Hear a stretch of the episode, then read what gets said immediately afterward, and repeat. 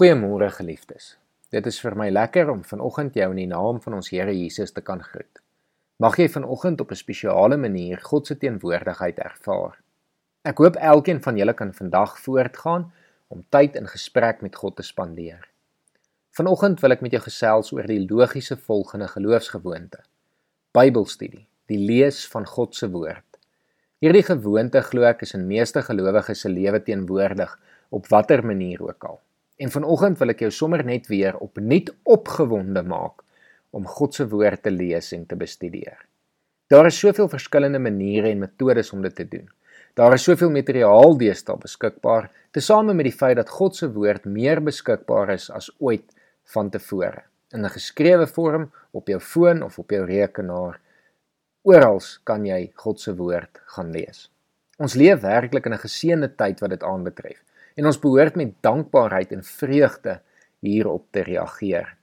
Ek hoop meeste van julle is ook tans besig met die Bybelstudies wat in die gemeente gesirkuleer word en is op een of ander manier besig om tyd saam met God se woord te spandeer. Maar vanoggend wil ek vir 'n oomblik by 'n baie eenvoudige vraag stil staan en vir jou vra: Hoekom lees jy Bybel? Wat is nou eintlik die doel daar agter? Hierdie vraag glo ek moet op die ouende vir elke mens uitgeklaar word. Maar my hoop is dat elkeen van ons dit min of meer vir die volgende twee redes sal lees. Eerstens om te ontdek wie God is en tweedens om toe te laat dat sy woord ons verander. 'n Gelowige behoort 'n honger vir God se woord te hê, juis omdat dit ons meer in God se wil laat leef. Om hierdie moontlik te maak, is dit goed om so God se woord so gereeld as moontlik te lees om dit 'n gewoonte in ons lewens te maak. Daar is onlangs 'n baie interessante interessante studie gedoen om te kyk wat die effek daarvan is op mense wanneer hulle God se woord lees. Die studie het uitgewys dat daar nie veel gebeur wanneer ons 2 of 3 keer 'n week tyd in God se woord spandeer nie.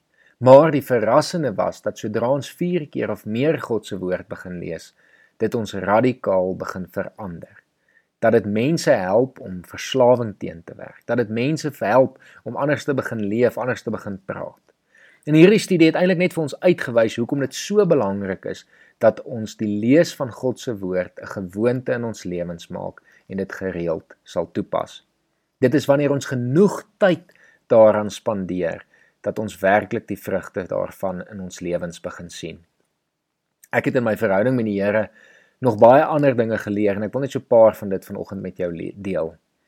Wanneer ek in gebed Bybel lees, met ander woorde wanneer Bybelstudie 'n gesprek tussen my en God word, is die effek daarvan op my lewe baie meer as byvoorbeeld wanneer ek net 'n teks bestudeer.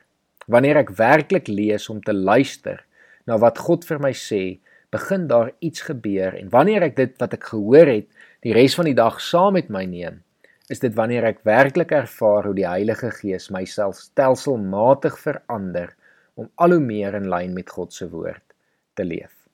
Dit is immers waarmee ons nou besig is. Ons wil anders as die wêreld leef. Ons wil volgens God se wil leef en binne God se koninkryk en sy praktyke, sy manier van doen, ons lewens inrig. En daar is nie 'n beter manier om te leer wat dit is en hoe dit lyk as om tyd in God se woord te bestudeer nie. Ek wil afsluit met twee van my gunsteling psalms en ek hoop hierdie inspireer jou om vandag die lees van God se woord in jou lewe te prioritiseer. Psalm 1 sê dit gaan goed met die mens wat in die woord van die Here sy vreugde vind, dit dag en nag oordink. Hy is soos 'n boom wat by waterstrome geplant is, wat op die regte tyd vrugte dra en waarvan die blare nie verdroog nie. Psalm 119 vers 105 sê: U woord is die lamp wat my die weg wys, die lig op my pad. Mag hierdie woorde vir jou vandag waar word. Mag jy ontdek hoe ryk en kosbaar God se woord vir jou lewe is.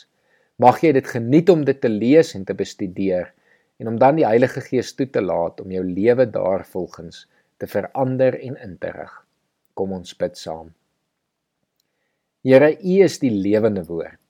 Ons loof U en ons prys U vir wie U is. Here ons dank U vir die geskrewe woord wat ons elke dag tot ons beskikking het. Here ons wil dit lees. Ons wil 'n honger vir U woord hê en Here ons wil vandag vir U vra dat U ons sal verander volgens U wil deur U woord. Ons bid dit, Here, want ons wil leef as burgers van U koninkryk, wat U koninkryk aan hierdie gebroke wêreld bring. Help ons hiermee. Lei ons deur die Gees. Mag U woord 'n lig op ons pad wees, die lamp wat ons die weg wys. Amen.